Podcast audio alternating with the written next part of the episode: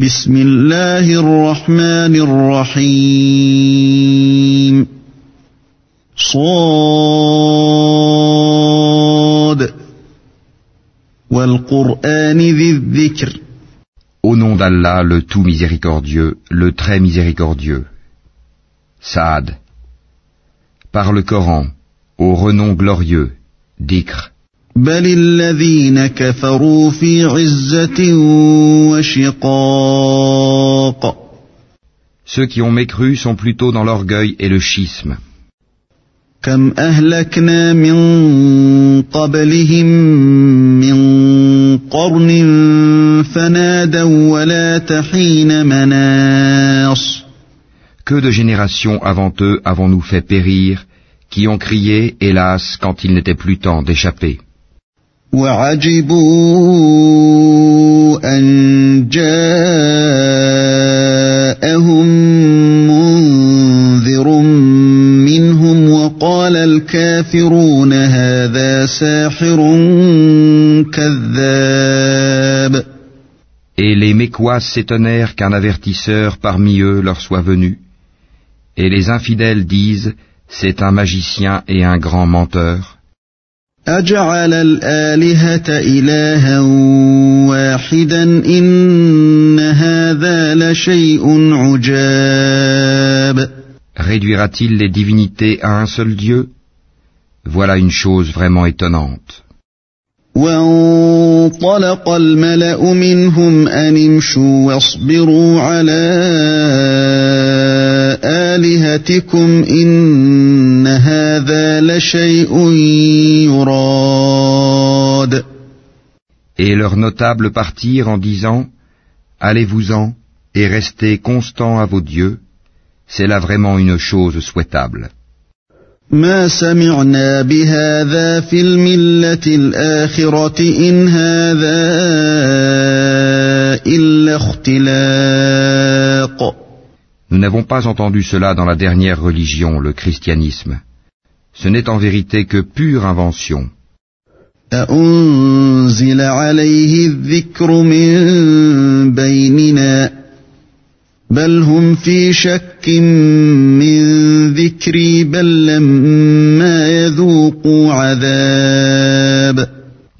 Quoi? C'est sur lui parmi nous qu'on aurait fait descendre le rappel, le Coran? Plutôt ils sont dans le doute au sujet de mon message ou plutôt ils n'ont pas encore goûté à mon châtiment.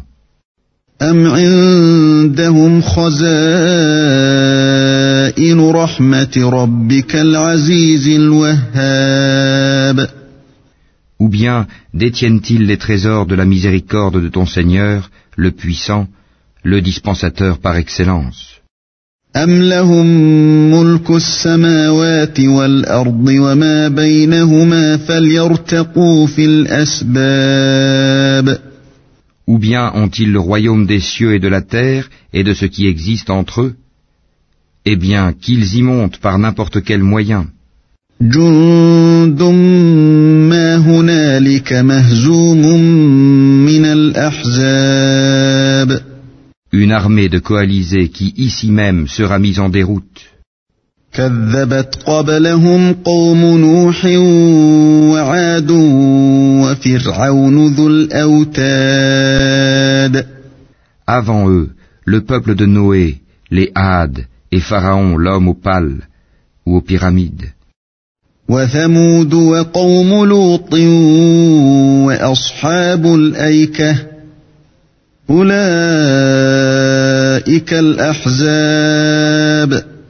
Et les Tamouds, le peuple de Lot, et les gens d'Alaïka ont tous démenti leurs messagers. Voilà les coalisés.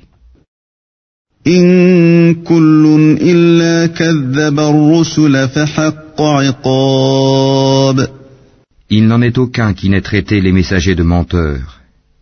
Eh bien, ma punition s'est avérée contre eux. وما ينظر هؤلاء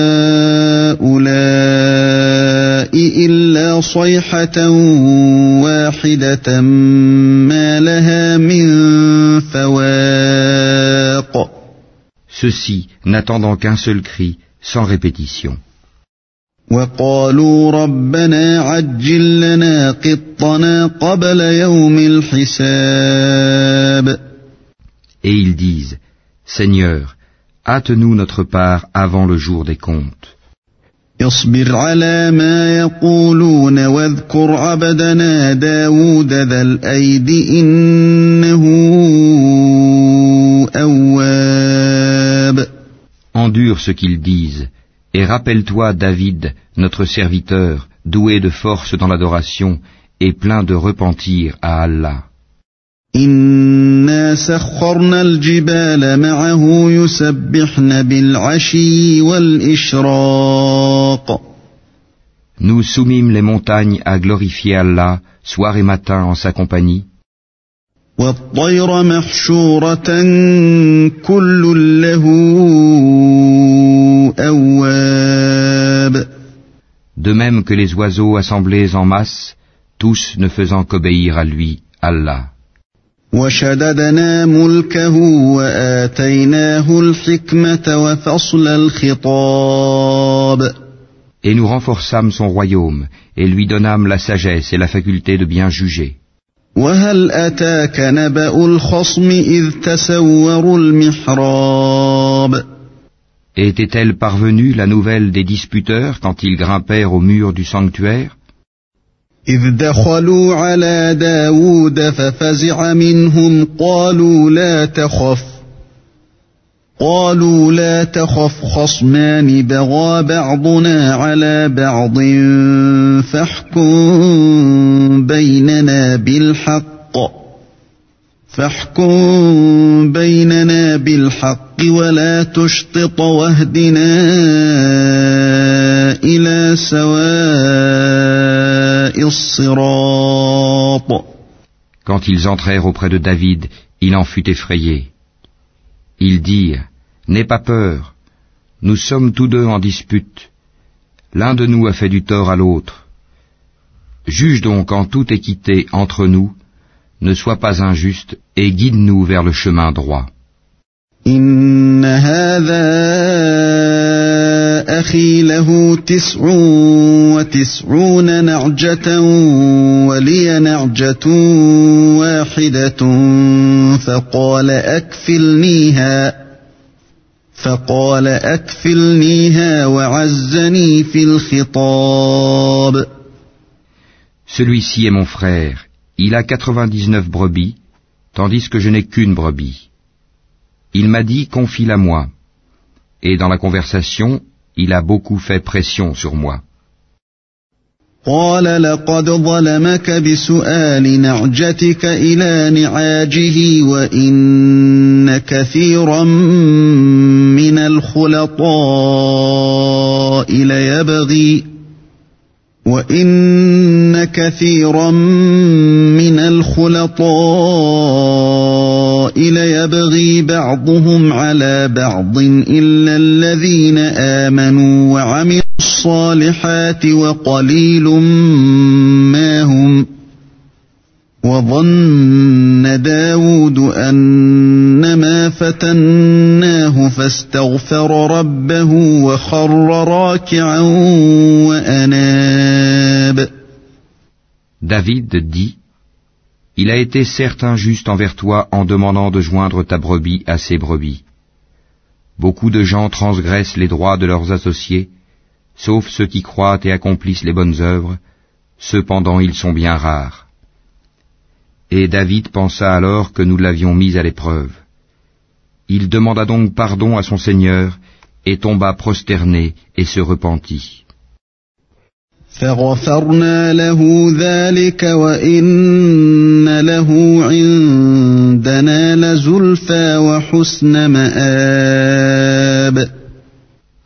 Nous lui pardonnâmes, il aura une place proche de nous et un beau refuge. يا داود إنا جعلناك خليفة في الأرض فاحكم بين الناس فاحكم بين الناس بالحق ولا تتبع الهوى فيضلك عن سبيل الله.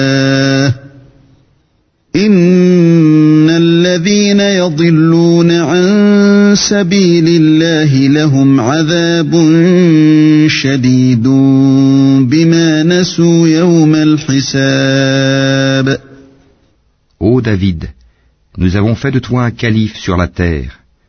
Juge donc en toute équité parmi les gens, et ne suis pas la passion. Sinon, elle t'égarera du sentier d'Allah. Car ceux qui s'égarent du sentier d'Allah auront un dur châtiment pour avoir oublié le jour des comptes. وما خلقنا السماء والأرض وما بينهما باطلا ذلك ظن الذين كفروا فويل للذين كفروا من النار Nous n'avons pas créé le ciel et la terre et ce qui existe entre eux en vain. C'est ce que pensent ceux qui ont mécru. Malheur à ceux qui ont mécru pour le feu qui les attend. أم نجعل الذين آمنوا وعملوا الصالحات كالمفسدين في الأرض أم نجعل المتقين كالفجار Traiterons-nous ceux qui croient et accomplissent les bonnes œuvres comme ceux qui commettent du désordre sur terre Ou traiterons-nous les pieux comme les pervers كتاب أنزلناه إليك مبارك ليدبروا آياته وليتذكر أولو الألباب Voici un livre béni que nous avons fait descendre vers toi, afin qu'il médite sur les versets et que les doués d'intelligence réfléchissent. ووهبنا لداود سليمان نعم العبد إنه أواب Et à David, nous fîmes don de Salomon, quel bon serviteur. Il était plein de repentir. إذ عرض عليه بالعشي الصافنات الجياد. Quand un après-midi on lui présenta de magnifiques chevaux de course, فقال إني أحببت حب الخير عن ذكر ربي حتى توارت بالحجاب. Il dit Oui, je me suis complu à aimer les biens de ce monde au point d'oublier le rappel de mon Seigneur, jusqu'à ce que le soleil se soit caché derrière son voile.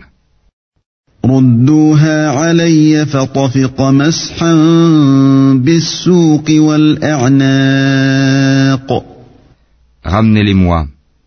Alors il se mit à leur couper les pattes et les coups.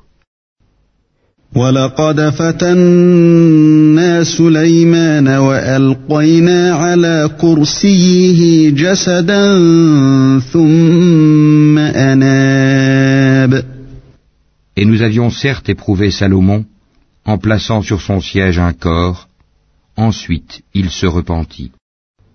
قال رب اغفر لي وهب لي ملكا لا ينبغي لأحد من بعدي إنك أنت الوهاب Il dit, Seigneur, pardonne-moi, et fais-moi don d'un royaume tel que nul après moi n'aura de pareil, c'est toi le grand dispensateur. فسخرنا له الريح تجري بأمره رخاء حيث أصاب Nous lui assujettîmes alors le vent, qui, par son ordre, soufflait modérément partout où il voulait. والشياطين كل بناء وغواص De même que les diables, bâtisseurs et plongeurs de toutes sortes, وآخرين مقرنين في الأصفاد et d'autres encore accouplés dans des chaînes.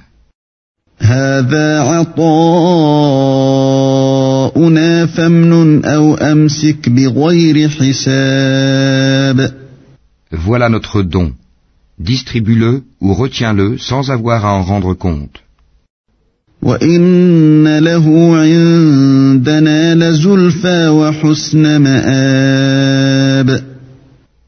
Et il a une place rapprochée de nous et un beau refuge. واذكر عبدنا أيوب إذ نادى ربه أني مسني الشيطان بنصب وعذاب Et rappelle-toi Job, notre serviteur, lorsqu'il appela son Seigneur, le diable m'a infligé détresse et souffrance. اركض برجلك هذا مغتسل بارد وشراب Frappe la terre de ton pied, voici une eau fraîche pour te laver, et voici de quoi boire. ووهبنا له أهله ومثلهم معهم رحمة منا وذكرى لأولي الألباب lui rendîmes sa famille, et la fîmes deux fois plus nombreuse, comme une miséricorde de notre part, et comme un rappel pour les gens doués d'intelligence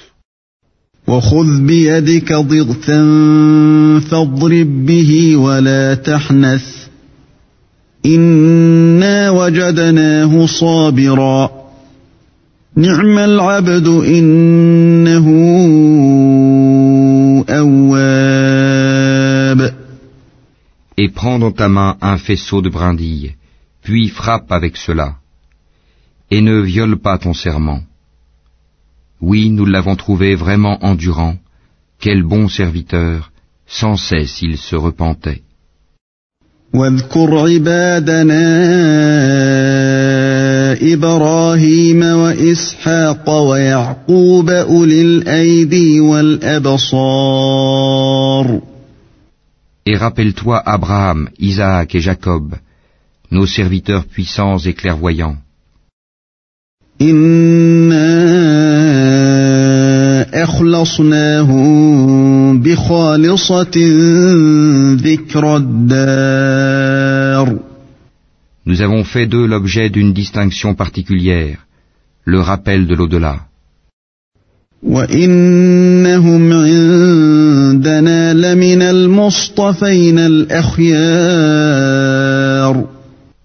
Ils sont auprès de nous, certes, parmi les meilleurs élus. واذكر إسماعيل واليسع وذا الكفل وكل من الأخيار Et rappelle-toi Ismaël et Élisée, et Dal-Kifl, chacun d'eux parmi les meilleurs. وإن للمتقين لحسن مآب Cela est un rappel. C'est aux pieux qu'appartient en vérité la meilleure retraite, جنات عدن مفتحة لهم الأبواب les jardins d'Éden aux portes ouvertes pour eux, متكئين فيها يدعون فيها بفاكهة كثيرة وشراب où, accoudés, ils demanderont des fruits abondants et des boissons. وعندهم قاصرات الطرف أتراب Et auprès d'eux seront les belles au regard chaste, toutes du même âge. هذا ما توعدون ليوم الحساب Voilà ce qui vous est promis pour le jour des comptes. إن هذا لرزقنا ما له من نفاد Ce sera notre attribution inépuisable. هذا وإن للطاغين لشر مآب Voilà, alors que les rebelles auront certes la pire retraite.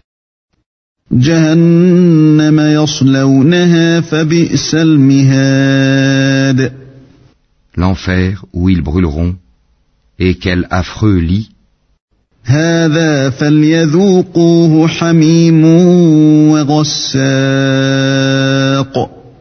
Voilà qu'ils y goûtent, eau bouillante et eau purulente, وآخر من شكله أزواج et d'autres punitions du même genre. هذا فوج مقتحم معكم لا مرحبا بهم إنهم صالوا Voici un groupe qui entre précipitamment en même temps que vous. Nul bienvenue à eux. Ils vont brûler dans le feu. قالوا بل أنتم لا مرحبا بكم أنتم قدمتموه لنا فبئس القرار Ils dirent, Pas de bienvenue pour vous, plutôt. C'est vous qui avez préparé cela pour nous. Quel mauvais lieu de séjour. قالوا ربنا من قدم لنا هذا فزده عذابا ضعفا في النار Ils dirent, Seigneur, celui qui nous a préparé cela, ajoute-lui un double châtiment dans le feu. وقالوا ما لنا لا نرى رجالا كنا نعدهم من الأشرار Ils dirent, pourquoi ne voyons-nous pas des gens que nous comptions parmi les malfaiteurs?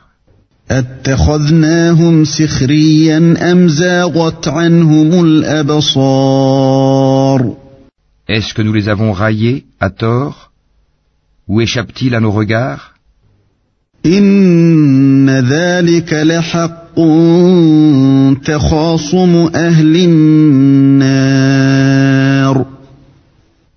Telles sont en vérité les querelles des gens du feu. قل إنما أنا منذر وما من إله إلا الله الواحد القهار Dis, je ne suis qu'un avertisseur, point de divinité à part Allah, l'unique, le dominateur suprême, رب السماوات والأرض وما بينهما العزيز الغفار Seigneur des cieux et de la terre, et de ce qui existe entre eux, le puissant, le grand pardonneur. قل هو نبأ عظيم Dis, ceci, le Coran, est une grande nouvelle, أنتم عنه معرضون mais vous vous en détournez. ما كان لي من علم بالملأ الأعلى إذ يختصمون Je n'avais aucune connaissance de la cohorte sublime au moment où elle disputait. إن يوحى إلي إلا أنما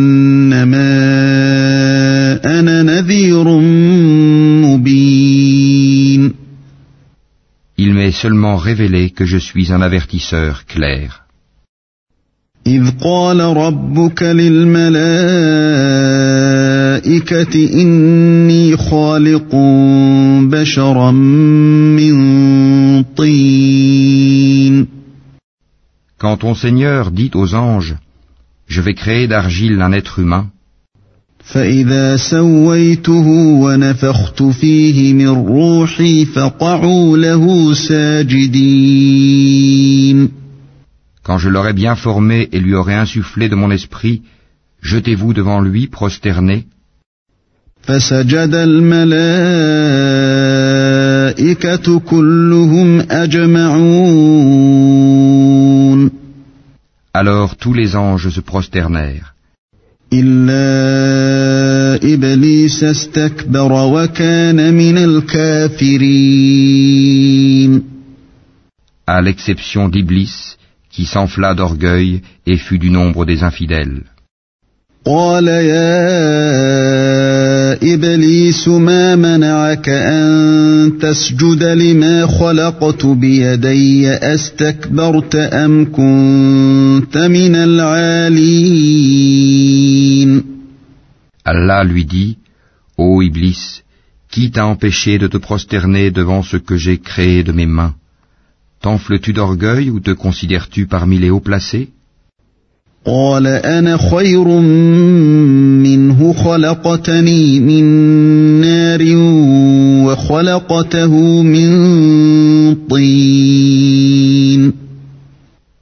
Je suis meilleur que lui, dit Iblis. Tu m'as créé de feu et tu l'as créé d'argile.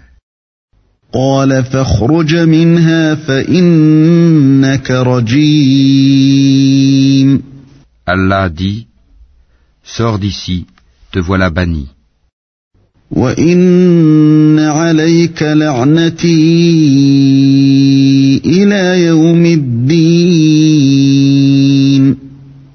Et sur toi sera ma malédiction jusqu'au jour de la rétribution.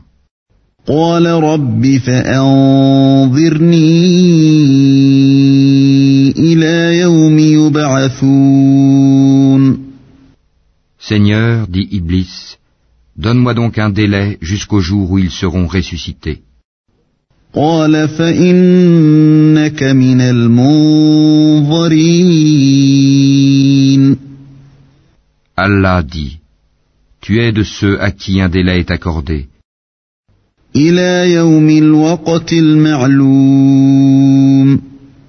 Jusqu'au jour de l'instant bien connu.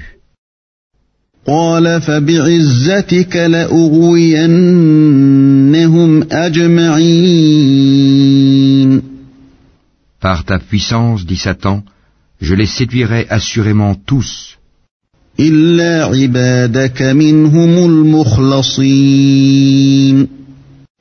Sauf tes serviteurs élus parmi eux.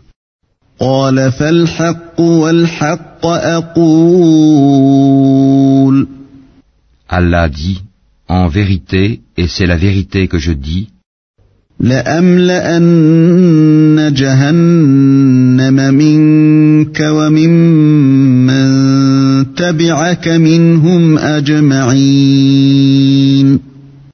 j'emplirai certainement l'enfer de toi et de tous ceux d'entre eux qui te suivront.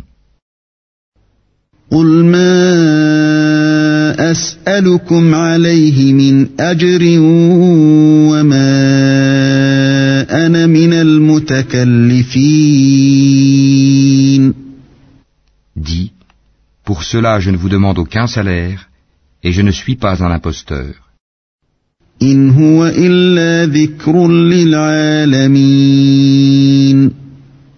Ceci, le Coran, n'est qu'un rappel à l'univers.